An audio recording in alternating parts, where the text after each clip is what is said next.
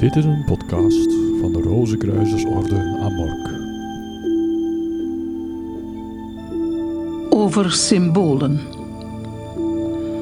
De Rozenkruisersleerlingen kennen drie belangrijke soorten symbolen: natuurlijke symbolen, kunstmatige symbolen en mystieke symbolen.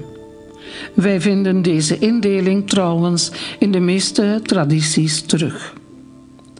Aangezien ieder symbool bedoeld is om een begrip weer te geven, hangt de categorie waarin het ingedeeld wordt af van de inhoud van dat begrip en van de algemene betekenis die eraan gehecht wordt. Zo is een natuurlijk symbool de voorstelling van een idee waarvan iedereen de juistheid kan vaststellen door de allereenvoudigste natuurverschijnselen te observeren. Een kunstmatig symbool dient als voorstelling van een afspraak die de mensen gemaakt hebben in de vorm van een bepaalde code. Het mystieke symbool is, zoals de naam al aangeeft, het werk van iemand die ingewijd is in de mystiek en het dient om een wet of een kosmisch principe door middel van een concrete voorstelling over te brengen. Laten wij na deze algemene uitleg elk van de drie soorten symbolen eens uitgebreider bekijken. Natuurlijke symbolen. Zoals wij zojuist al gezegd hebben, bestaan de natuurlijke symbolen uit elementen of omstandigheden die wij in de natuur aantreffen. De zon bijvoorbeeld symboliseert het licht, de warmte en het levensbeginsel, waar alle levende wezens afhankelijk van zijn. De hemel, het uitspansel, duidt op zichzelf de wereld van het onzichtbare, de verblijfplaats van de goden aan. De aarde drukt de cyclus van geboorte, dood en wederopstanding uit. Een steen duidt op duurzaamheid en stabiliteit. Een boom stelt de levenskracht voor.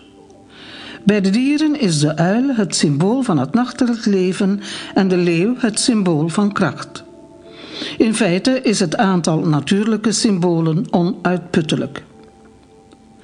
In het algemeen gesproken zijn natuurlijke symbolen gemakkelijk te begrijpen, want ze spreken voor zich.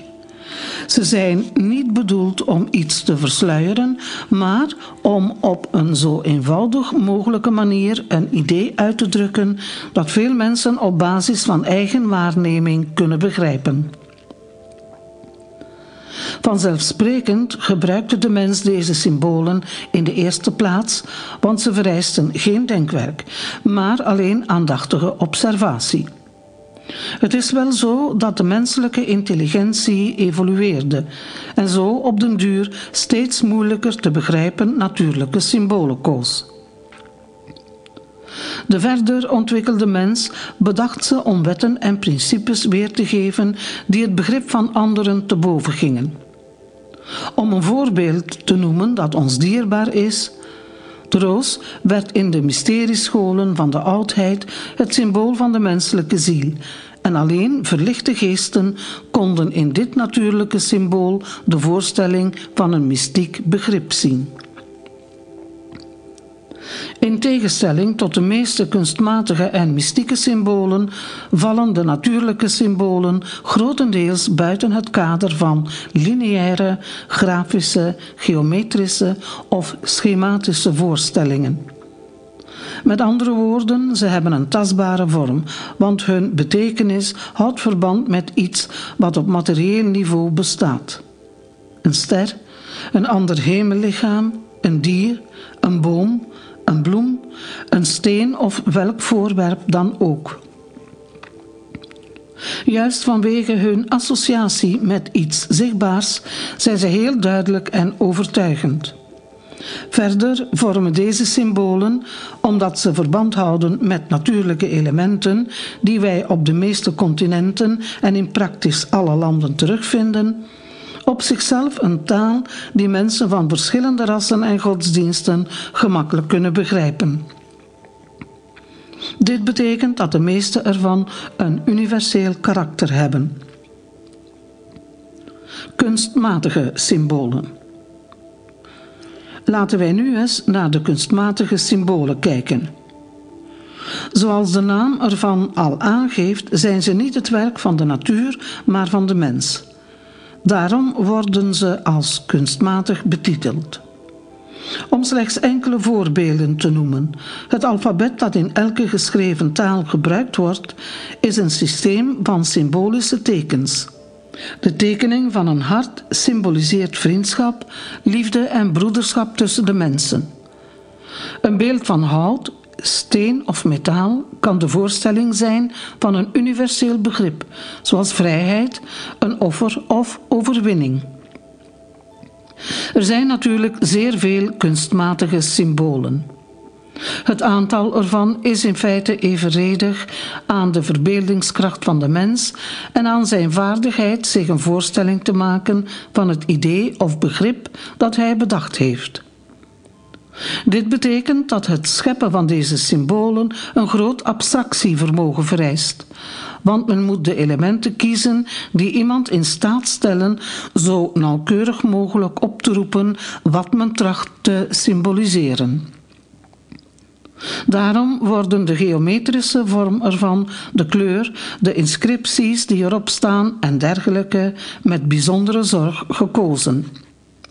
In tegenstelling tot de natuurlijke symbolen kunnen kunstmatige symbolen niet begrepen worden door er alleen maar naar te kijken, want de meeste ervan zijn in overeenstemming met een afspraak. Daarom moeten ze geassocieerd worden met een speciale betekenis die wij moeten aanleren. Om terug te komen op het voorbeeld van het alfabet dat in alle geschreven talen gebruikt wordt, het spreekt vanzelf dat wij dat moeten leren, want anders kunnen wij niet lezen of schrijven. Vanwege het feit dat ze op een afspraak berusten, worden kunstmatige symbolen in een minder groot gebied gebruikt dan natuurlijke symbolen. Want er is begrip voor nodig dat gebaseerd is op een bepaalde cultuur of mentaliteit.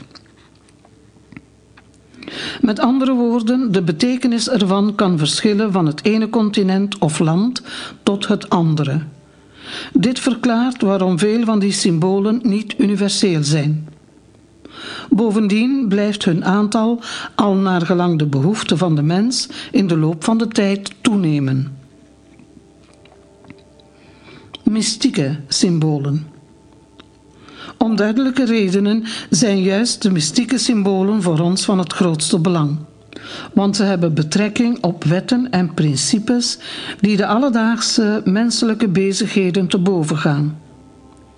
Met andere woorden, ze zijn van toepassing op een mystieke zoektocht. Ze behoren dan ook eerst en vooral tot het gebied van de ziel, want ze zijn bedoeld als voorstelling van begrippen die met spiritualiteit verbonden zijn. Dit geldt met name voor het symbool van de driehoek dat wij al besproken hebben, maar ook voor het kruis, het vierkant en de cirkel die wij in een volgende graad uitgebreid zullen bestuderen.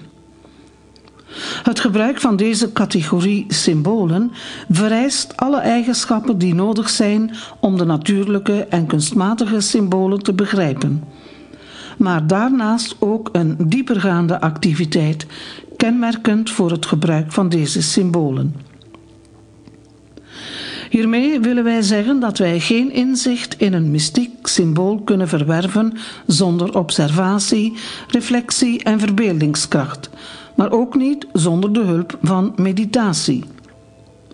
Dit is zo omdat ze filosofische en mystieke begrippen uitdrukken die alleen door de intelligentie van de ziel geïntegreerd kunnen worden.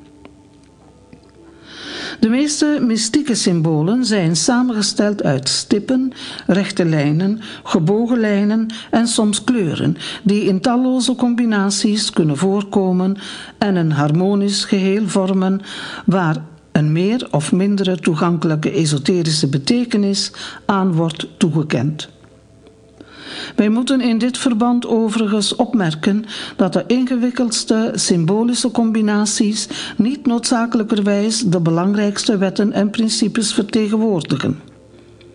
Ook al is het namelijk zo dat een mystiek symbool het mogelijk maakt een waarheid te verhullen die niet door iedereen gekend mag worden. Het is ook bedoeld om op een zo eenvoudig mogelijke manier weer te geven wat een ingewijde in staat is te begrijpen. Als wij bijvoorbeeld naar het symbool van het rozenkruis kijken, moeten wij erkennen dat het is samengesteld uit zeer eenvoudige elementen en dat ook de combinatie ervan eenvoudig is. Toch is dit symbool de drager van een zeer esoterische inhoud, want het geeft zonder verdere toevoegingen een beeld van de menselijke natuur en van de taak die de mens door het kosmische is opgelegd, namelijk zich in spiritueel opzicht te ontplooien door middel van de ervaringen die het aardse leven verschaft. Het betekent echter niets voor iemand die niet is ingewijd in de diepe betekenis ervan. Deze bijzondere eigenschap vinden wij terug in alle mystieke symbolen, want ze zijn slechts voor een beperkt aantal mensen toegankelijk namelijk voor degenen die bewust gemaakt zijn van de waarde en betekenis ervan. Daarom is het aantal ervan betrekkelijk beperkt. Dit was een podcast van de Rozenkruisersorde Amork. Meer info op www.amork.nl